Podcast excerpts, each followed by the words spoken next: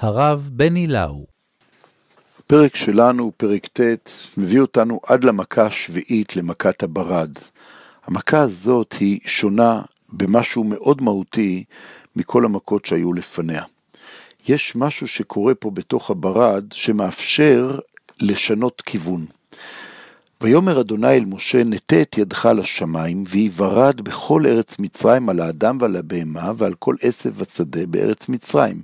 עד כאן הכל אותו דבר. יורד ברד, אש מתלקחת בתוך הברד, כבד מאוד, אשר לא היה כמוהו בכל ארץ מצרים מאז הייתה לגוי. ויש גם הבדלה בין ישראל למצרים, רק בארץ גושן, אשר שם בני ישראל לא היה ברד. עד כאן זה כמו המכות האחרות. יש פה גם אה, מכה קשה בכל הארץ, וגם אפליה בין ישראל לבין, או ישראל של ארץ גושן, לבין אה, שאר מצרים. ואז אומר פרעה למשה ולאהרון, חטאתי הפעם, אדוני הצדיק ואני ועמי הרשעים, העתירו אל אדוני, ורב מהיות קולות אלוהים וברד. כלומר, אני מבין, עכשיו אני יודע, השם צדיק, אני ועמי הרשעים, ומשה אומר לו, כצאתי מן העיר אפרוש כפיי, הקולות יחדלון, הברד לא יהיה עוד למען תדע, כי לאדוני הארץ. ואז הוא אומר לו, ואתה ועבדיך ידעתי, כי טרם תירון מפני אדוני אלוהים. משה יוצא, פורס כפיו, והקולות חדלים, והברד לא ניתח ארצה, וירא פרעה כי חדל המטר והברד, והקולות, ויוסף לחתו, ויכבד ליבו ובעבדיו, ויחזק לב פרעה, ולא שילח את בני ישראל, כאשר דיבר אדוני ביד משה. עד כאן המכה, וזה נראה לכאורה שאנחנו עוברים עוד מכה ועוד מכה באיזושהי רציפות. אבל, יש פה דבר אחד שאנחנו צריכים לשים לב בשונה מהמכות האחרות, וזה זכות הבחירה. לפני שהברד יורד, לפני שמשה מטה את ידו על השמיים והאש יורדת, נאמר לנו בצורה נורא נורא מפורשת מפי משה אל, אה, השם אל משה וממשה אל פרעה. הפעם אני שולח את כל מגבותיי לבך, ואח אותך, כלומר גמרנו את מה שגמרנו, אבל אתה עדיין ממשיך, ולכן, הנני ממטיר כעת מחר ברד, ואתה שלח העזת מקנך. כל מי שימצא בשדה, ירד עליו ברד ומת. זאת אומרת, אתה יכול לבחור אם אתה מאמין או לא מאמין. המכה תכה רק במי שאינו מאמין. ובאמת אומרת לנו התורה בפסוק כ', הירא דבר אדוני מעבדי פרעה, הניס את עבדיו ואת מקנהו אל הבתים.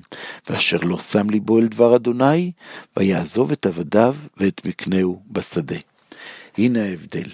אנחנו בעצם מתקדמים, אם אתם זוכרים, כשדיברנו על מכת הדם, על ראשית המכות, דיברנו על תהליך. דיברנו על תהליך שהמגמה של הכל זה, הזכרנו את השפת אמת, שהמטרה של הכל לקלף את קליפת מצרים כדי להגיע אל האמונה. להגיע אל הידיעה שיש מנהיג לבירה, שיש בורא, שיש אלוהים על פני הארץ, למען תדע כי להשם הארץ, למען ידעו מצרים כי אני השם. הידיעה היא התכלית של עשרת המכות. כדי להגיע אליהם צריך לאט לאט לסדוק את הביטחון, את השחץ, את הגאווה של מצרים. ככה עברנו ממכה למכה. אבל מכת הברד, המכה השביעית, סוגרת את מעגל שיעורי האמונה. כבר כל המצרים, אולי לא כולם, כמעט כל המצרים השתכנעו שהנהגת העולם לא נתונה בידי בשר ודם.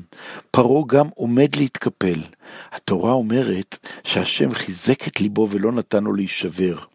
אומרת לנו התורה, בעבור זאת העמדתיך, בעבור הראותך את כוחי, ולמען ספר שמי בכל הארץ. מכת ברד מבקש השם להראות לפרעה משהו שהוא מעבר לידיעה שהוא אדון הארץ. זה היה עד עכשיו. אבל עכשיו הוא רוצה להסביר לפרעה שמלך העולם הוא לא רק מולך על הארץ, אלא הוא דואג לנתיניו, והוא לא מתעמר בהם. ולכן במכת הברד, פרעה יכול לראות איך מלך, מלך מלכי המלכים, מנהיג ממלכה. הנה, הנני ממטיר מחר ברד כבד מאוד, ותסתכל, מי שירא את השם ואוסף את הצאן שלו ואת כל אשר לו לביתו, לא יקרה לו דבר, ומי שלא ירא את דבר השם, ועוזב את עבדיו ואת מקנהו בשדה, הוא יקבל את המכה. במכת ברד נתן השם לעולם כולו את ההבנה של חופש הבחירה. מי שיודע שיש אלוהים על פני האדמה, לא יירא לו שום רע. המכחיש, זה שמשאיר את עבדיו ומקנהו בשדה, הוא יקבל את המכה במלוא עוצמתה. ובאמת הפעם שלא כפעמים הקודמות מודה פרעה, ואומר השם הצדיק ואני ועמי הרשעים. למה עכשיו השם צדיק? מה היה עכשיו שלא היה במכות הקודמות? נדמה שאפשר לומר שהשם שנתן למצרים את האפשרות להכניס את העבדים ואת המקנה הביתה למכלאות ולהציל אותם, זה הדבר שנכנס לתוך ליבו של פרעה. זה נקרא השם הצדיק. המכה שמכה השם את מצרים לא באה בלי אפשרות של הצלה וחזרה. המדרש בתנחומה אומר כאן סוד ההבדל בין מלכות שמיים למלכות בשר ודם. בכל המכות לא אמר פרעה השם הצדיק, אלא במכת הברד בלבד. למה? אדם שהוא מבקש להילחם עם חברו ולנצח אותו, פתאום בא אליו והורגו ונוטל כל אשר יהיה לו? זאת אומרת, גורם ההפתעה, אומר המדרש, הוא הגורם הדומיננטי להצלחת המלחמה. אבל הקדוש ברוך הוא אומר לפרעה, שלח העז את מקנך. זאת אומרת, מלחמת הקדוש ברוך הוא היא לא נגד האנושות, אלא היא נגד הכפירה, היא נגד הניסיון של האדם לה, להפוך עצמו לאלוה. זוהי כל תכלית המכות, להביא את פרעה, את מצרים ואת ישראל להכרה, יש מנהיג לעולם, שמנהיג את עולמו בדין וברחמים. כל זה משמש הקדמה למה שיבוא עוד פעם במעמד, במעמד הר סיני, שם הם ישמעו את עשרת הדיברות של אנוכי השם אלוקיך.